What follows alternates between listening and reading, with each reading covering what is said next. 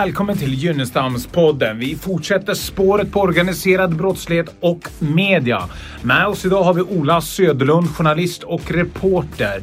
Och vi kommer att snacka om elektrifiering. Vad händer där? Hur nästlas den organiserade brottsligheten in? Allmän integrering i samhällsapparaten. Kan vi hindra det här ens? Lyssna på dagens avsnitt.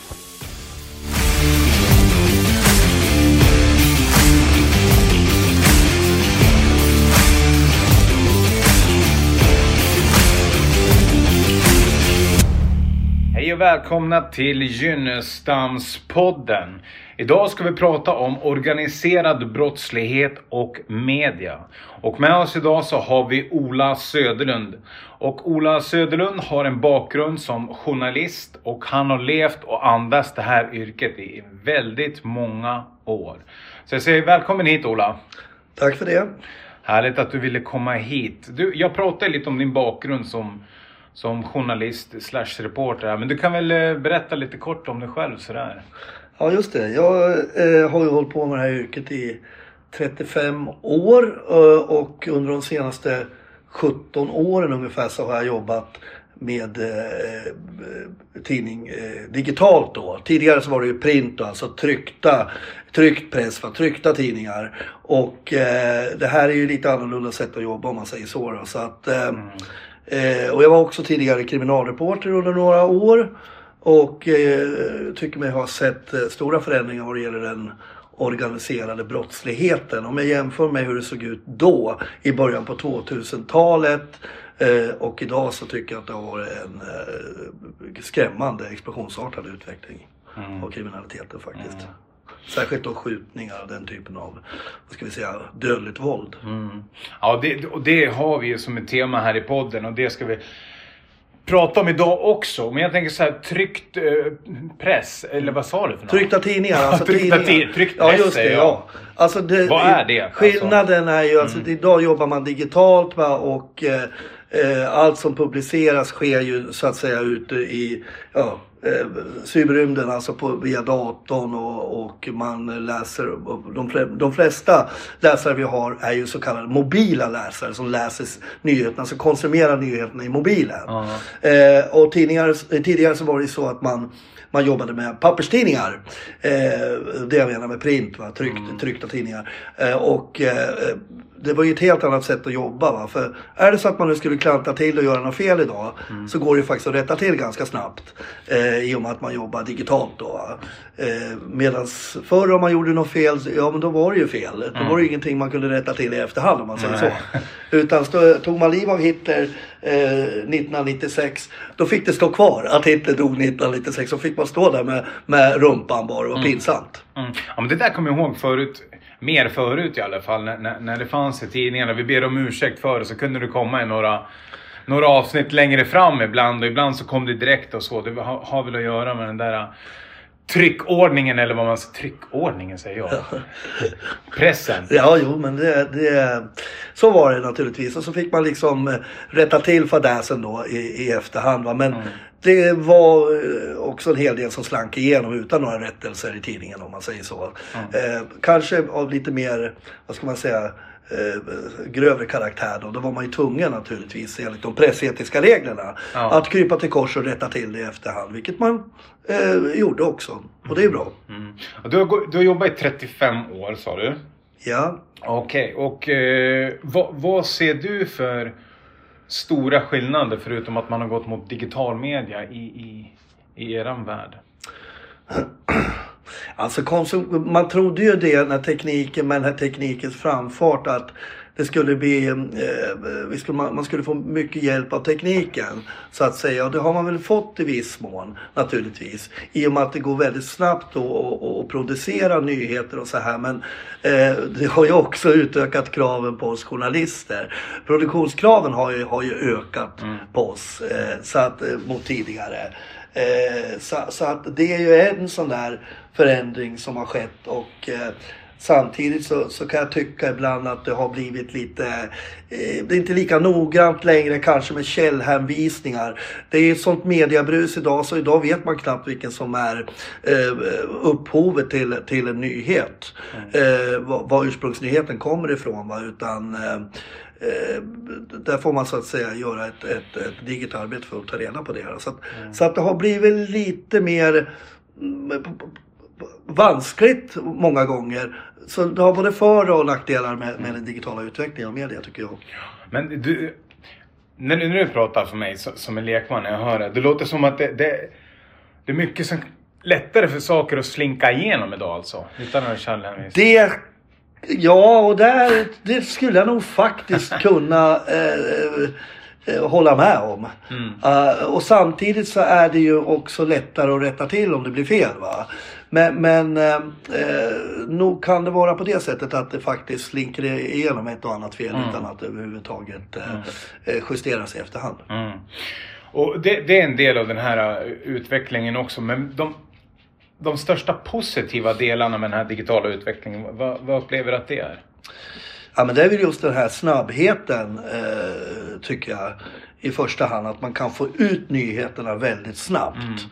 Tidigare så fick man ju liksom smyga i, i korridorerna med sin nyhet och knappt säga, berätta dem för kollegor för att man skulle få ha, om det var en bra grej för sig själv. Okay. Eh, eh, men idag så är det ju så att man producerar nyheten och så skickar man ut den bara där i, mm. i, i, space, i cy, cyberrymden. Mm. Eh, och, och eh, så att det, det snabbheten tycker jag är en, en stor fördel mm. vad det gäller digitala utvecklingen av, av eh, media. Mm. Eh, I första hand. Eh, ja, något annat positivt är väl att eh, eh, Ja, det är svårt det tycker jag att tala om. Men i första hand snabbheten. Mm, Okej. Okay. Men finns det någon sån här, jag fastnar på en sak här nu. Att, att förut var man tvungen att sitta lite på sitt skop så här. Finns det någon kollegial rädsla liksom att man ska stjäla varandras nyheter? Ja men det tycker jag sker hela tiden. Okay. Och, och, jag jobbar ju på en tidning där vi också kör ganska mycket rewrites. Men vi mm. rewritar ju då i första hand internationell press. Eh, eh och då blir ju vi många gånger först med nyheten i Sverige. Eh, DagensPS.se eh, heter vi mm. och eh, har ju haft en lysande utveckling vad det gäller trafiksiffrorna. Så att eh, idag har vi faktiskt den näst största digitala affärstidningen. Okay. Den näst största mm. affärstidningen i Sverige på nätet. Mm. Efter Dagens Industri. Mm. Men de är väl snart ikapp. du ser den utvecklingen alltså? Att den kommer vara ledande? Absolut. Om man säger så. Det är bara någon månad dit. Okej. Okay. Hur, hur, om jag kommer in på det här med kollegialt igen liksom. Hur, nu jobbar ju du uteslutande digitalt. Och eh, hur sitter man då? Alltså, har du kollegor som du sitter med nu eller? Ja, min redaktion sitter ju i, i, i Stockholm. Mm. Där sitter ju mina kollegor. Mm. Och jag har själv suttit i Stockholm tidigare och jobbat under många år. Va? Så mm. att, eh, just nu sitter jag i Gävle och jobbar på distans då så att säga. Så att eh, det fungerar ju alldeles utmärkt det också. Vi har en kille i en gammal eh, äldre kollega till mig som, som jag jobbar med tidigare också. Och han sitter i Sydney. Australien. Okay. Eh, och eh, det gör ju att han kan komma ut med nyheter under natten då som, som, som händer för att det är en helt annan eh, tids... Ja. Mm. Helt, helt annan tidszon. Ja. Så att det har vi mycket fördel av också. Mm. Okej, okay, jag kan tillägga här om ni hörde en liten hund så har Ola med sig sin hund här in i studion. Så det, jag kommer höra lite tassarna och kanske att han, att han gnäller till lite här men det, det gör ingenting. Okej, okay. Eh, då tänker jag på det här. Äh, alltså att jobba som journalist, om, man ska, om vi ska komma in lite på, på kriminalitet och dess utveckling nu och så. så vad heter det? Ser, ser du några andra faror med, med, med liksom, för att nu har det ju utvecklats ett samhälle. Det dödliga skjutvåldet är ju liksom, ligger i, i topp i, i Sverige liksom, mm. om man jämför med, med övriga Europa. Mm. Liksom. Löper det i, i, i linje med någon fara mot, mot att skriva om det här som journalist eller? Det vill jag inte påstå faktiskt. Det tycker jag mig inte ha sett någonting av än så länge i Sverige. Va? Mm. Så att det, det är väl inte jämförbart med länder som Colombia och Mexiko. Mm. utan jag tycker mig inte kunna se det, den, den utvecklingen i Sverige. Utan eh, jag vet inte att det förekommer några direkta regelrätta hot mot journalister i Sverige mm. idag. Trots att man skriver om, om eh, den organiserade brottsligheten och sådana. Så man kommer kanske inte tillräckligt nära den för att man ska få uppleva hot mm. eh, in på eh, knutarna så att säga. Mm. Så, så, att eh, det tycker jag inte är någon fara. Det finns ju andra faror i samhället i så fall och, och det kan vi kanske komma in på eh, lite senare här då. Okej, okay, men vad... Nu kommer jag ställa en, en dum fråga mm. kanske då. Men um, om man utvecklar reportage i olika riktningar så medför ju det resultat, konsekvenser etc. etc. Så är det med, all, med alla arbeten. Liksom. Ja. Ser du någonstans, okej okay, om vi börjar göra såna här uh, uppdrag som reporter, då kommer det vara en fara för oss? Ja, det kan tänkas om man kommer för, för nära in på de här miljöerna om man säger så. Mm. Att det finns en fara med det. Men å andra sidan om man ska uppenbara det som ligger fördolt för, för den breda massan så, så är det nödvändigt naturligtvis. Mm.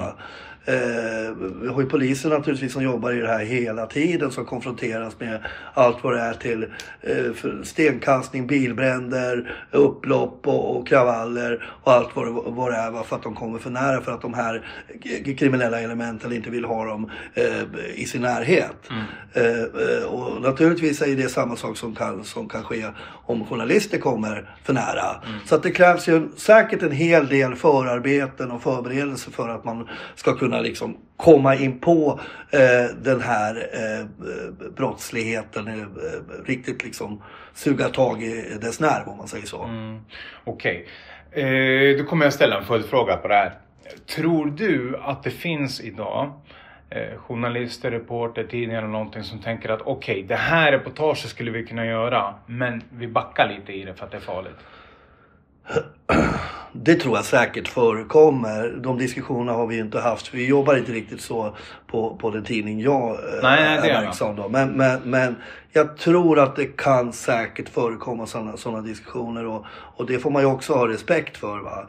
Men, men eh, samtidigt finns det ju de som har gjort eh, eh avslöjanden och till och med skriver böcker om gängkriminalitet och organiserad brottslighet i Sverige. Va? Så, att, så att det finns ju de som har eh, tagit de riskerna om man säger så. Mm, okay. Uh, hur tror du att uh, nu, nu jobbar du som krimreporter för, uh, många år, ja, för, för, många år sedan. Liksom mm. också. Hur ser du på utvecklingen där? Ja, nej, men det var som jag sa här initialt att eh, jag tycker inte att även om det fanns organiserad brottslighet förut alltså, va, så hade vi inte den här eh, gängkriminaliteten som vi har idag. Vi hade inte de här mig vetligen stora knarkuppgörelserna med, med dödliga skjutningar som vi har idag nästan varje dag. Mm. Läser vi i tidningen eh, om, om eh, en till två personer som har skjutits ihjäl eller skottskadats i, i vad som man tror är knarkrelaterat våld och så vidare. Så att visst, Hells Angels och Bandidos och alla de här, de har figurerat liksom i, i, i kulisserna hela tiden men vi hade ändå inte den här eskalationen som vi har idag av, av dödligt våld och, och, och gängkriminalitet som vi har idag. Det tycker mm. jag inte. Så det, det, det, i den meningen så eh, kan man nog kanske prata mer om eh, eh, syndikat, maffia, eh, utveckling i Sverige. Mm. Absolut. Och vad, vad, tror du har bidragit till den här utvecklingen i Sverige? Det är ju en jättesvår fråga men jag eh, ska spekulera i det så så bara sådär vid handen så är det klart att eh, för det första så har du ju en, eh, en segregation i Sverige. Eh, den pratar ju alla om. Där man då, ett utanförskap, där människor inte har arbete och så vidare. Va? Och det kan ju vara, dels bero också på att en del människor faktiskt isolerar sig själva. Så det är inte bara samhällets fel om man säger så. Men det kan också vara så att Eh, det här är ju ett lätt sätt att tjäna pengar för, för många. Varför gå och harva 8 till 10 timmar på, på ett vanligt jobb när du kan eh, tjäna eh, femsiffriga belopp på, på att sälja på att göra knarkaffärer. Mm. Du kan tjäna enormt mycket mer pengar. Mm. Så jag menar, det, det är någonstans där. Jag tror pengarna i, i hög utsträckning är drivkraften. Okej, okay. det, är det är pengarna som ligger bakom? Det tror jag. Ja, det, alltså den, den, svarta marknadens pengar Absolut, om man säger så. Då främst drog, droger drogförsäljning? Ja, och, och eh, det finns säkert också en hel del, vad ska man, man här kanske det finns drömmar om att vara någonting va, hos eh, en del yngre människor. Och när de kommer in i de här miljöerna, eller åtminstone är det deras förhoppning, så, så, så eh, upplever de ändå att de har fått bekräftelse på, mm. på, på, på någonting som de kanske har gått och längtat efter. Va? Mm. Eh, och eh, sen naturligtvis så, så i förlängningen så är det kanske inte så roligt va? men då är de redan inne i kittet så att säga och det, det är nog inte det lättaste att ta sig ur. Mm. Och, då, och då, om, jag, om jag ställer dig en, en följdfråga på det här. Du, du, du, det är pengarna som är, som är drivkraften. Ja, hand, och, och, ja, och, det är, och det är drogerna också. Naturligtvis. Och, om man kollar på det dödliga skjutvåldet. I första poddavsnittet så pratade vi om det här att vi låg i botten från 2000-talet i Sverige. Från 2018 så ligger vi i toppen för dödligt skjutvåld. Och förra året så var det 62 dödsskjutningar och året innan det var det 40 någonting. Mm. Jag kommer inte ihåg exakta siffran. Så det är liksom verkligen en, en, en, liksom, en markant ökning. Och då tänker jag så här, tror du att det där har att göra med markant ökning av droger också?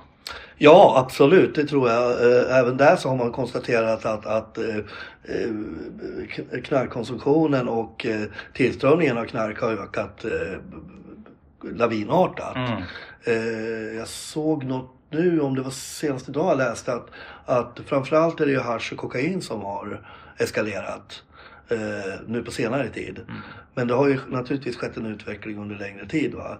Men den här bilden som du, som du ger, att vi, om vi pratar om eh, statistiken och det dödliga skjutvåldet som var i början på 2000-talet och jämfört med idag, det stämmer ju eh, bra överens med den bild jag själv ger då som ja, när jag var verksam som kriminalreporter. Då, att det var inte den här mm, våldsutvecklingen. Vi hade våld naturligtvis och det var mm. mycket skit som fanns på den tiden också. Men det var, vi hade inte den här gängkriminaliteten. Inte i någon större utsträckning på det sätt som vi har idag. Mm.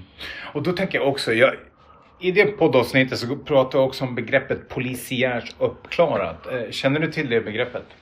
Jo då, det gör jag. Mm. I viss mån. Mm. Ja. Och då tänker jag så här, jag tar en till statistik. Mm. Det är ungefär 26 procent går polisen ut på deras hemsida som säger att det är så många mord i det dödliga skjutvåldet som klaras upp. Kontra det övriga dödliga våldet så är det 80-90 procent som klaras upp. Mm. Och många fall där så säger de att det är polisiärt uppklarat. Tror du att om vi säger här att person A mördar person B och sen blir person A mördad själv så blir det polisiärt uppklarat. Och då i statistiken så ser det ut som att okej, okay, här, det här har vi, de har inte åtalat någon, de har inte fällt någonting för brotten. Så att det blir polisiärt uppklarat. Tror du att den här statistiken med, med hur många de vet som har mördat skulle vara högre om man, om man säger så ja, vi vet vilka som har mördat men vi kan inte åtala dem. Tror du att det hade legat upp mot 80-90% då eller tror du att det är lägre? Ja, jag tror att det hade legat högre. Ja, du tror det? Ja, Okej. Okay. Okej, spännande det här. Okej, vi ska gå till paus nu och sedan så ska vi komma tillbaks med en riktig raketfart när vi pratar om den organiserade brottslighetens utveckling. Så ta lite kaffe, släpp ner hantlarna eller gör vad ni vill. Vi kommer snart tillbaks.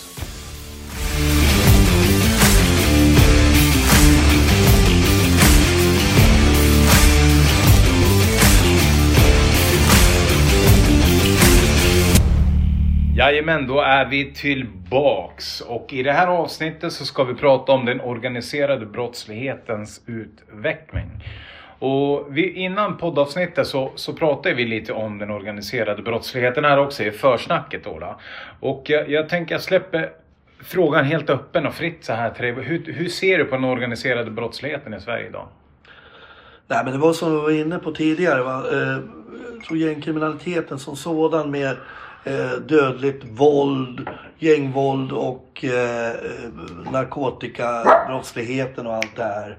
Eh, det är en sak, va? men sen har du eh, den här infiltreringen som sker i, i eh, både det privata och det offentliga eh, eh näringslivet. Eh, där så gjorde väl, jag tror det var Svenskt Näringsliv, arbetsgivarorganisationen Svenskt Näringsliv, som uppskattade att den här notan för den organiserade brottsligheten, brottslighetens infiltration mm. i, i, i det privata näringslivet uppgick till någonstans 90 miljarder kronor om det var 2021 eller om det var 2022. Det, det, det, det minns jag inte. Va? Men, men det var, eh, och man trodde ändå att den siffran var i underkant. Mm. Så, så, att vi ser ju här, va? plus och ta dessutom all den här, så här bidragsfusk och sådana saker. Och, Eh, och när det gäller eh, eh, organiserad brottslighet i, i näringslivet, där är det ju väldigt utbrett, tror man, eller ser man, inom byggsektorn inte minst. Du har den här det som är, expansionen som sker i Norrland nu med batterifabriker och, och allt det här. I den här omställningen som sker till, till, till elektrifieringen som man talar om. Där är det ju också så att, att den organiserade brottsligheten hänger på låset för att komma in. Och det gör man, man kommer mm. in. Och man gör det enkelt. Och man är smidig. Så att, så att komma åt det här det är nog eh, kanske ännu svårare då än att komma åt de här som skjuter varandra på, på, på gator och torg mm. och i trapphus. Okej, okay. men du säger att det är smidigt och enkelt för dem att komma in i den här världen. På, på, hur kan de slinka in? Ja, alltså det kan... Men här finns det experter som menar på att det, att det, att det är enkelt för dem. De, eh, det sker genom förhandlingar och Eh, den typen av, man kanske agerar via bulvaner och, och sådana mm. saker. Så att, så att på ett eller annat sätt så lyckas de. Mm.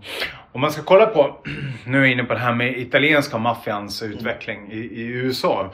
Så, så många, många av de här familjerna, brottsfamiljerna, de, de, de tyckte om att låna ut pengar. Mm. Och, och, deras tanke och idé och motiv framförallt med det här, det var att okej, okay, vi lånar ut pengar här mot en hög ränta. Kan de inte betala tillbaks Visst, vi ska inte slå och hota och mörda dem för de här hade ju utvecklats i sin kriminalitet. Utan vi gör så här, vet ni vad? Vi är kollegor nu. Ja, just det. Alltså, det, var, det var på så sätt mm. de, de togs in. Om jag säger det, vad, vad tänker du då? Jag vet inte om det, om det förekommer utpressning men jag menar det, det låter jag vara, vara osagt. Va? Eh, om det är den typen mm. av, av, som man tar sig in, det, mm. det, det, kan jag inte alls liksom, vågar inte ens spekulera i. Men, men att man på ett eller annat sätt lyckas nästla sig in, så är det ju uppenbarligen.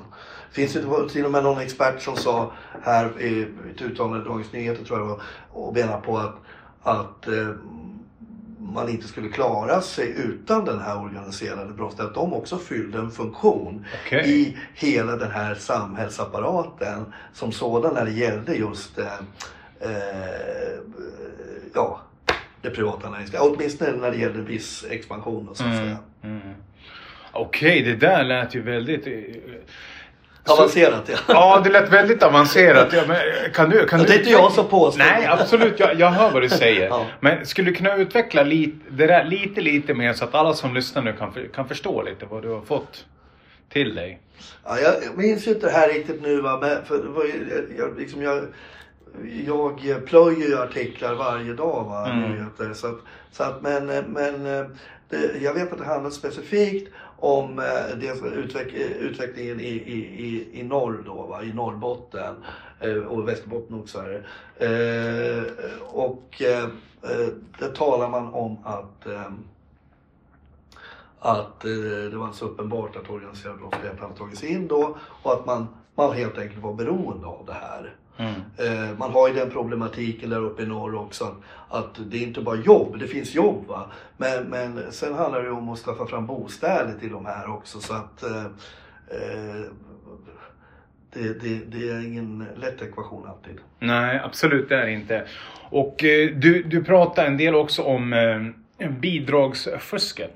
Mm. Så också. Hur, hur systematiskt tror du att det är? Det tror jag är väldigt utbrett. Okay. Faktiskt. Mm. Man kan fråga sig, såg en artikel häromdagen när det var någon eh, kvinna tror jag som hade lyckats tillskansa sig, var det 740 000 kronor eller någonting sånt? för vab under en månad.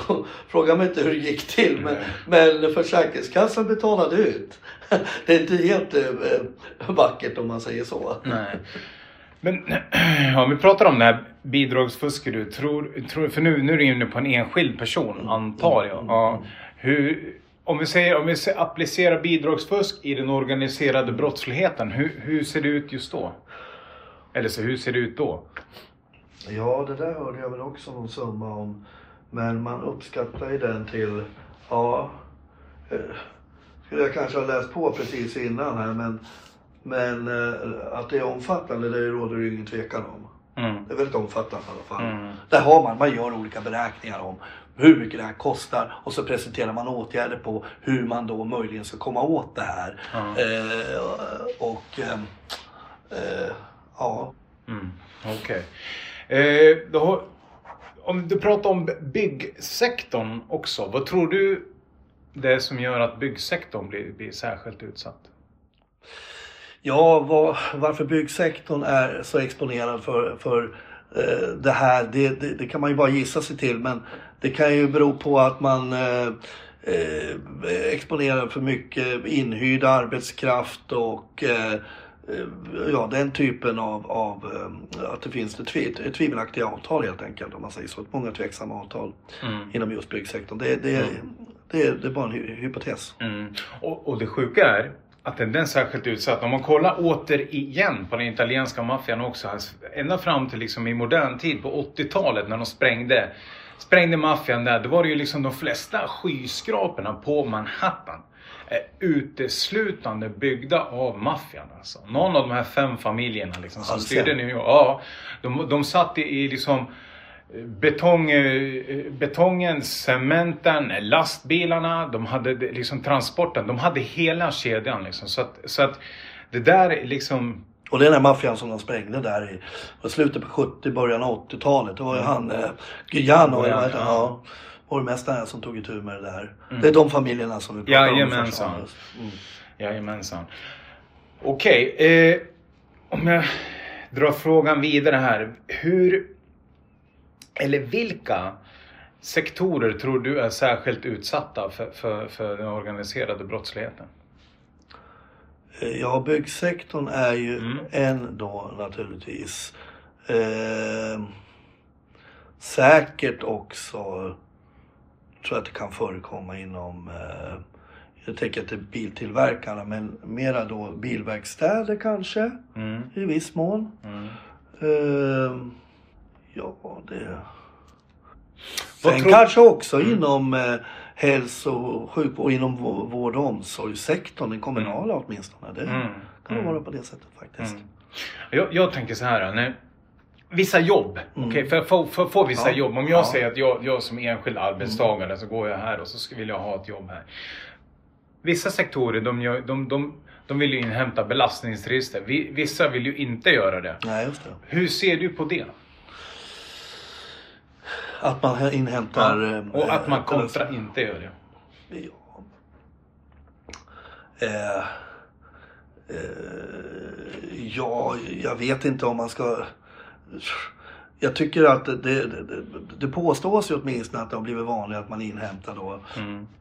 belastningsregister på, alltså på, på vad det gäller. Och naturligtvis tycker jag att, att det är helt, det är fullt rimligt när det gäller om man ska jobba inom barnomsorgen Exakt. och den typen av verksamhet så är det väl rimligt att man, att man faktiskt har ett, ett, eh, klanderfritt åtminstone, ja, liv bakom sig om man säger så. Va? Eh, och även eh, vad det gäller polis och, och eh, polisväsendet och, och inom vakt, när det gäller vaktsektorn så att säga. Mm. Offentliga Väktare, sektorn om man säger väktare. så. Den offentliga sektorn. Ja, ja då. Ja. Absolut. Jag är inte så säker på att det alltid behövs men, men eh, i vissa, vissa branscher så är det nog eh, Mm. bara bra och nödvändigt. Men så tänker jag också. Alltså, inne, om man inne jobbar i statsapparaten och den offentliga sektorn. Mm. Då kan jag, kan jag också tycka det. Hur ser du på att inhämta belastningsregister i den privata sektorn? Nej, men jag tycker nog kanske inte att, som jag sa, va, vissa eh, branscher så är det nödvändigt men i andra branscher så, så eh, kan jag tycka att det, det, är oväsentligt. Mm. För att eh, jag tycker man ska utgå ifrån eh, jag menar man, man rekryterar, man anställer en person utifrån eh, eh, hans eh, arbetskapacitet och, och prestationsförmåga va? och gör en person bra ifrån sig så är det egentligen oväsentligt vad den personen har eh, för, för bakgrund. Mm. Alltså, Mm. ja, naturligtvis. Jag menar, nu pratar vi inte om vad ska vi säga, notoriska eh, pedofiler och Nej, barnpornografi eh, eh, brukare liksom, förbrukare. Mm. Utan vi pratar om no- någorlunda normalt eh, funtade människor. Mm, absolut. Och nu ska jag ställa en följdfråga på det här. Tror du att inom vissa sektorer att det finns ett, ett nätverk, gäng, någon organiserad brottslighet bakom liksom en enskild privattagare. Som om vi kommer in på det här med bidragsfusket. Liksom. Här har vi Kalle Svensson som aldrig har gjort någonting i hela sitt liv som går in och så ska han hämta något liksom bidrag på Försäkringskassan etc. Alltså när det gäller bidragsfusket så det skulle man kanske kunna anta men det är jag inte helt säker på faktiskt. Nej. Jag kanske är naiv där men, men eh, eh, det finns ju kluriga, finurliga människor som kommer på hur man kan, vad, vad, vad, bristen är så att säga i, i, i välfärdssystemet. Och eh, som utnyttjar det mer än gärna.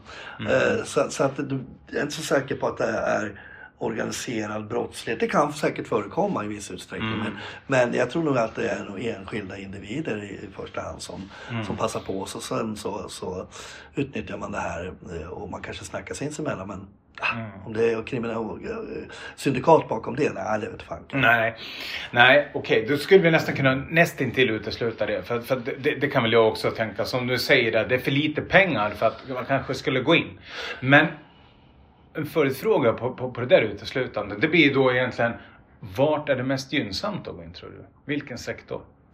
Och vilken sektor som är mest gynnsam? eh, Förutom om byggs, nu har vi pratat Ja, om ja, byggsektorn. Nu, nu om pratar vi det. om den här, den här Kalle Svensson igen. Ja. Som kommer in här. Okej Ja. här, jag har ingenting i belastningsregister. Okej. Och så har han ett- liksom ett, ett tryck på sig bakifrån. Liksom, att gå in i någon bransch och infiltrera. För det var infiltreringen du pratade om här. Ja. Så det, det, det är det jag liksom spinner på här i olika håll. Ja, alltså. Det, det känns ju ändå som att om man nu ska eh, gå in i någon sektor så ska det ju vara någon sektor som har framtiden för sig och inte framtiden bakom sig.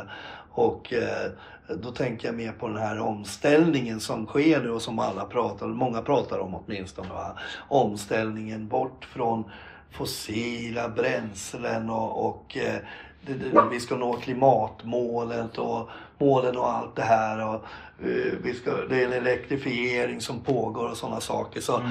det är klart att, nu ska inte jag ge något tips till, till gangsters här men, men, men det, det är väl i så fall där man måste sikta. Det, det är väl det i så fall som, som eh, man måste, förmodligen så, man får väl anta ändå att de är så pass slipade de här att de tänker framåt Mm. och inte bakåt. För, för det här blir ju en, det här blir ju naturligtvis en business. Mm. En inkomstbringande business också för, Mm. för, för många. Alltså. Men just i elektrifieringen som vi säger, att vi, en övergång från Ja, fossila här bränslen. omställningen Ja, omställningen här också. Liksom, vad är det som sker i omställningen som gör att den organiserade brottsligheten får framfart? Då? Eh, nej, men eh, det, det, det är väl i så fall att eh, det finns vissa branscher. Ta till exempel vindkraftsbranschen, både havsbaserad och landbaserad vindkraft. Där är det ju någonting som man, alltså det går ju fram med stormsteg. Va? Sen kan man ju diskutera hur pass miljö och naturvänlig eh, vindkraften är överhuvudtaget. För den sker på bekostnad av något annat. Va? Eh, men det är ju någonting som, som många företag vurmar för. Att, att vi ska ha vindkraft och titta på oss och vi är så, så, så miljövänliga här. Va? Mm. Men, men sen kan man diskutera hur pass, pass eh, eh, skonsam vindkraften är för, för både människor, djur och natur. eh, Mm. Om man säger så. Och, och, men det är ju någonting som ändå, som ändå går framåt med stormsteg. Mm. Så är det ju. Ja, 100 procent. Ja, nu i veckan tog ju regeringen beslut om att, att, att eh, eh, smälla upp vindkraft till havs och, och, och så vidare i stor utsträckning. Så att, så att det här är någonting som, som man, och där vet jag Sverigedemokraterna var förbaskade för de tyckte att de var överkörda för de är inte alls lika stora anhängare av vindkraften som, Nej. som eh, övriga, eh, ja, eller regeringspartierna då. Mm. Eh, så att, så att eh, där tyckte de att de hade blivit överkörda. Mm. Okej, om vi säger så här. Du har jobbat, du ser den här omställningen och så det, det, det du du pratar ju om eh, det är bättre att gå in i branscher så där det ligger i, i framtiden liksom. Och du, du jobbar som reporter, krimreporter för länge sedan. Du har sett den här utvecklingen på, på liksom 17 år nu. Vad, vad skulle du, hur ser du att liksom kriminaliteten och organiserade brottsligheten kommer utvecklas i takt med den här utvecklingen om 10-15 år? Ja, det, alltså, det törs man ju knappt Nej, om. Va? det Man- varit intress- det är intressant att höra. Ja, nej men eh, eh, det är ju jättesvårt egentligen att säga. Eh, eh, det är beroende på också hur, hur po- politiken han, hanterar detta. Mm. Men, men, men det är klart att eh, eh, om jag får önska något så är det ju ett stopp på den här våldsspiralen och, och, och eh, eh, för den delen också vapen och narkotikautvecklingen som är i, i, Sverige. Så att, så att, för det är en skrämmande utveckling. Det är någonting också som, som människor det sitter liksom i, i det undermedvetna hos människor. Va? Men, men eh, eh, gemene man, det är ju ingenting som man kanske så enkelt kan komma åt. Nej. Eh, eh, Men jag, jag vet jag nämnde häromdagen och att, att kanske ett folkligt uppror där man går ut på gator och torg och verkligen visar sin avsky mot det här som, som händer och sker. Va? Mm. Det kanske är ett sätt att sätta ner foten men sen om det får, får det, det kanske inte får eh, någon form av verkan tror jag nog att det skulle få ändå. Mm. Eh, men som sagt, det är inte enkelt att komma åt. Men, och hur det ser ut framöver, det... Ja, får vi ingen stopp på den här eh, eh, våldsvågen då, då, då kanske vi har en, eh, en situation där, där vi ännu mer var, var och, eh, ja, medborgarna får frukta för sina liv faktiskt. Mm. Och riskerar att hamna i, i, i, i, skottgluggen om man säger så. För, för det förekommer ju, det har förekommit i viss utsträckning men, men det, inte, det är inte så omfattande än men vi vill inte ha det som i USA. Nej, absolut Nej. inte. Men kommer vi vara... Om, om, du, om du fick säga... Svara ja eller nej på den här frågan. Kommer det vara mer likt USA om 10-15 år? Ja eller nej? Alltså jag är rädd för det. Ja, okej. Med det så tar vi en paus i den här spännande podden. Vi är strax tillbaks.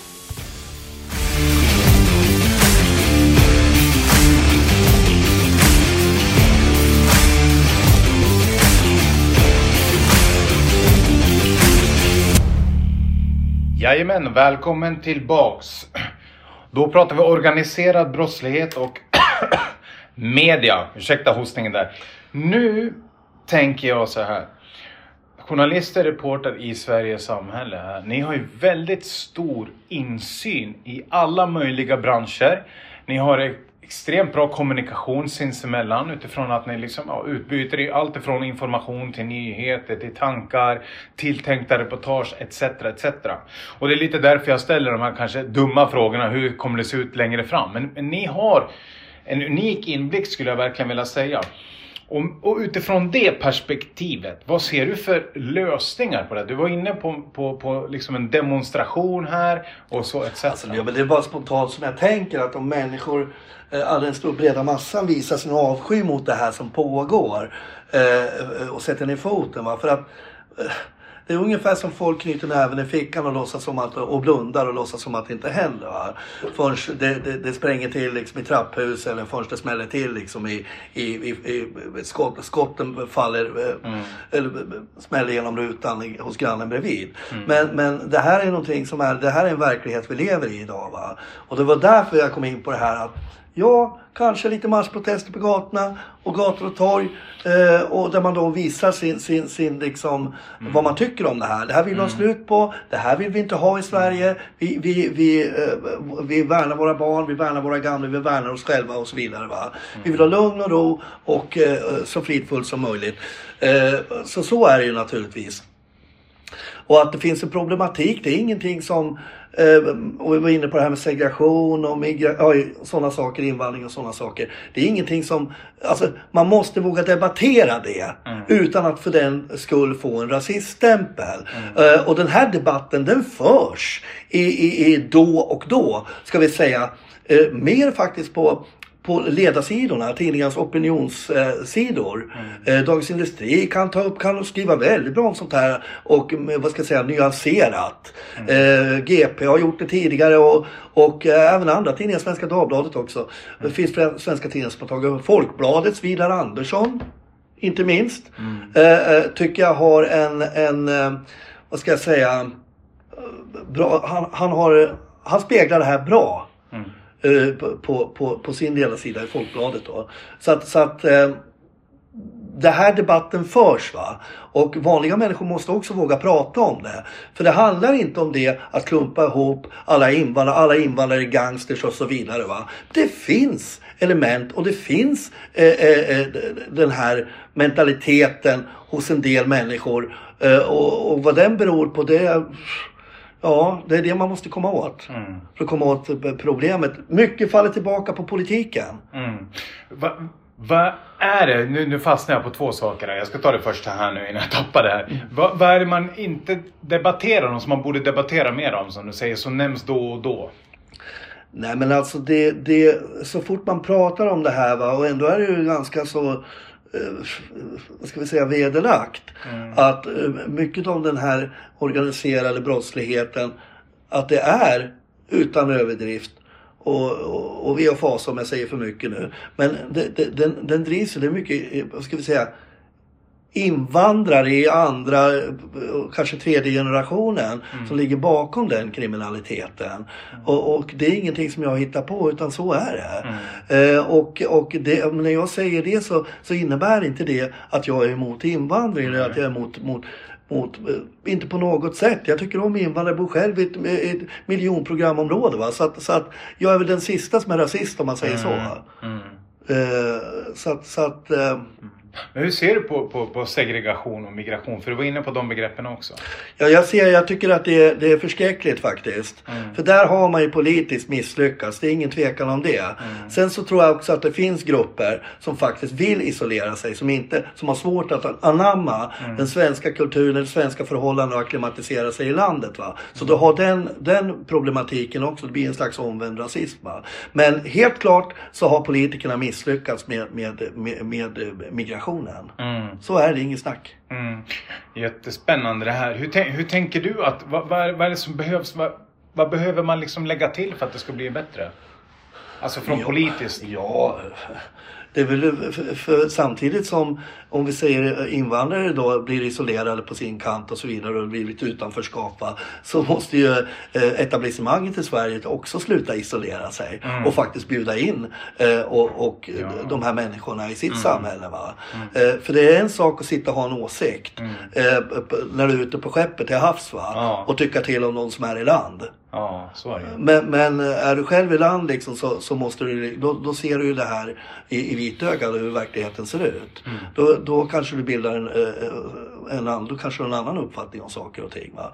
Men, men så att eh, jag tycker liksom att många, många beslut som fattas utan att man så att säga utan, ja det finns ingen realism bakom. Mm. Nej. Nu ska jag droppa ett begrepp för dig. Begreppet orten, vad tänker du då? Orten. Mm. Ja, jag trodde du skulle säga förorten, men orten.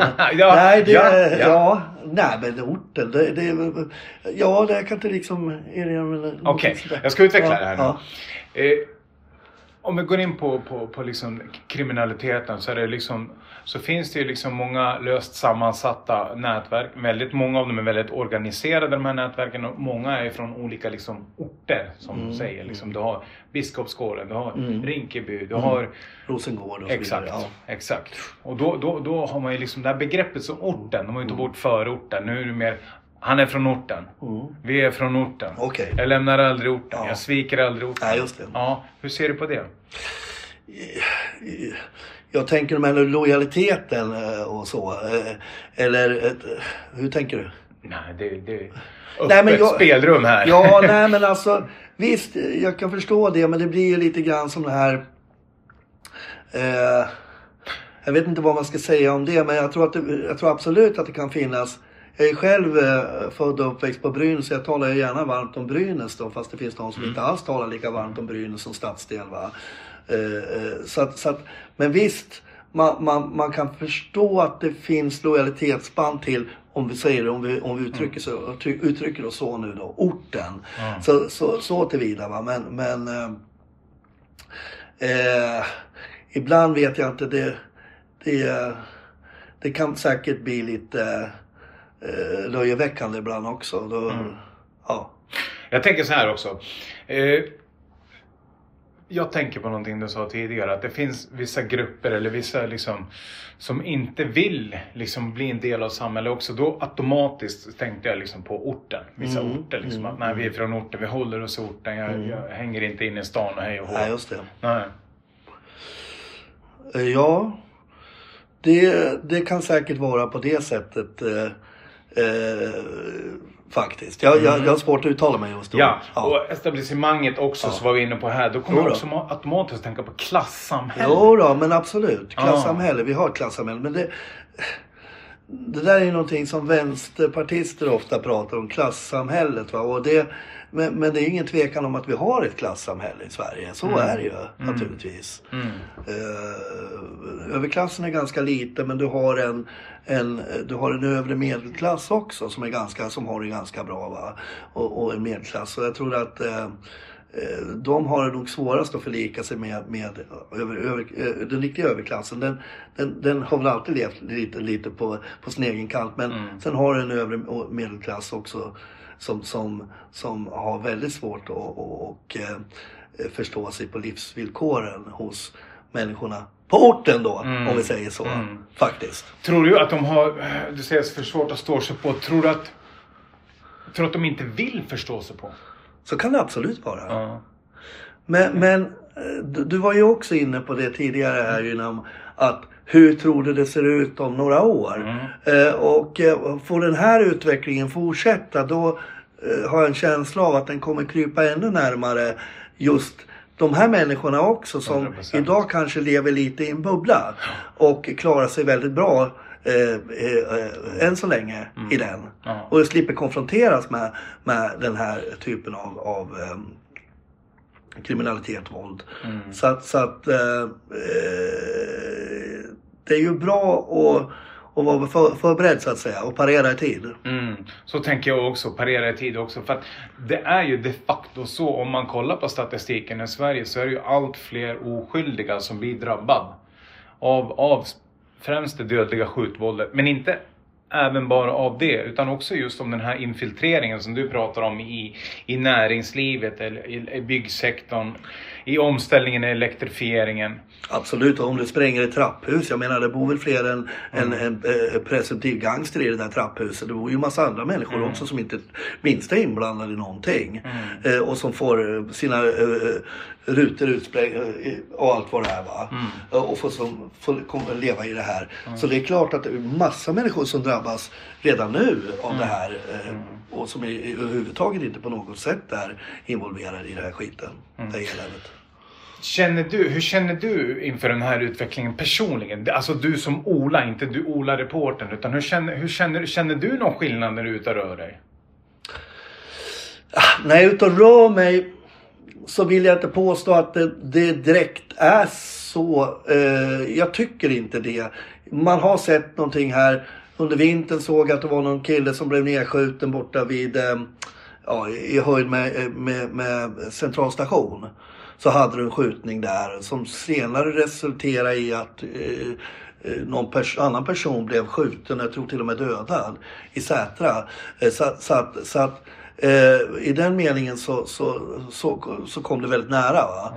Men, men eh, annars så kanske jag inte tycker direkt att jag ser sådär. Nej. På det sättet va, men jag menar det var väl alldeles tillräckligt. Här sköt de ner, det var mitt på, det var mitt på dagen. Eh, unga killar var det. Jag vet inte vad de hade fått. Nej. Men det pratas ju ibland om att, eh, ja, ja, ja, vad kostar ett mord? 20-25 tusen spänn i en ICA-kasse. Okej, är det värt det så? Jag har 14 år. Så får de liksom Ja, det är en fruktansvärt Ja. skrämmande utveckling. Eh, nu pratar ju du om att det här hade skett i centralstationen där Mm. du bor. Eh, har det här påverkat dig att okej, jag går inte på central, närheten av centralstationen? Nej, men det ligger ju där i bak i huvudet någonstans. Va? Det finns ju där någonstans att det kan hända. Ibland har man liksom haft, höll jag på att säga, mar, inte mardrömmar, men man har tänkt liksom, ibland när man går ut och går med min, min hund här, Brooklyn som han så vackert heter, eh, eh, så, så har man tänkt att jaha, eh, kommer, kommer det någon drive-by shooting här? Är det några galningar som sitter i en, sitter i en bil och bara mm. och ska dra iväg några skott mot den? Mm. bara för skojs skull. och, ja, en utveckling som vi har i USA då. Men, mm. men alltså sånt där när vi har en, en, en våldsspiral i, i, Sverige som, som är väldigt påtaglig så visst, mm. visst kan man tänka på det. Absolut, mm. det tycker jag. Ja, jag tycker också att det är en fruktansvärt skrämmande utveckling. Vi har pratat med många fler och kommer prata med många fler i, i den här poddavsnitten. Hur det påverkar. För att initialt när jag ställer frågan så säger de att nej, det inte har påverkat. Sen när jag ställer en följdfråga, ja, men på centralstation ja, så ligger det någonstans. Ja, men det gör det ju naturligtvis. Ja. Och, sen, och sen, men det intressanta också här, vi, var inne, vi pratar ju media och vi pratar organiserad brottslighet. Och det intressanta är ju, tycker jag ändå, att visst, absolut, skjutningarna som sådana eh, och det här våldet får ju ett visst utrymme i, i, i media. Va? Eh, och framförallt i kvällstidningar. Men det, har ju, det, det, går ju inte att, att, att, jämföra med eh, till exempel ett sommarmord på en kvinna. Va? För det kan ju bli en följetong på ett helt annat sätt. Det får en helt annan uppmärksamhet i, i, i media än vad, vad... Därför att, och då har det blivit någonstans ändå att att, våra, att man har tänkt på, på, på gränserna. Va? Det har blivit så vanligt det här i, i, vår, i vår vardag. Så att man liksom, ah, okej, okay, nu har vi ett gängmord igen, okej, okay, nu har vi en skjutning igen och så vidare. Va? Vi läser om det här flera gånger i veckan. Och eh, det har blivit ett vanligt inslag i vår vardag. Mm. Och det finns en fara med det också. Mm. För det borde vara eh, någonting som faktiskt är eh, lika skrämmande varje gång. Mm. Du, du, ja, det jag hör att det har blivit någon form av normaliseringsprocess. Det har blivit, absolut. Ja, det där är en anpassning till det, precis. Det till det här förhållandet som mm. råder i Sverige. Va? Så att... mm. Okej Ola, jag ska tacka dig så otroligt mycket att du ville delta här i Gynnestamspodden. Väldigt intressant poddavsnitt det här. Och med det så säger jag tack till dig Ola och eh, får man, får man höra något sista ord eller? Ja men tack själv, det var jättekul att vara här ja. Tack ska okay. du ha. Okej, okay. stay tuned och ha det bäst där ute. Hej då!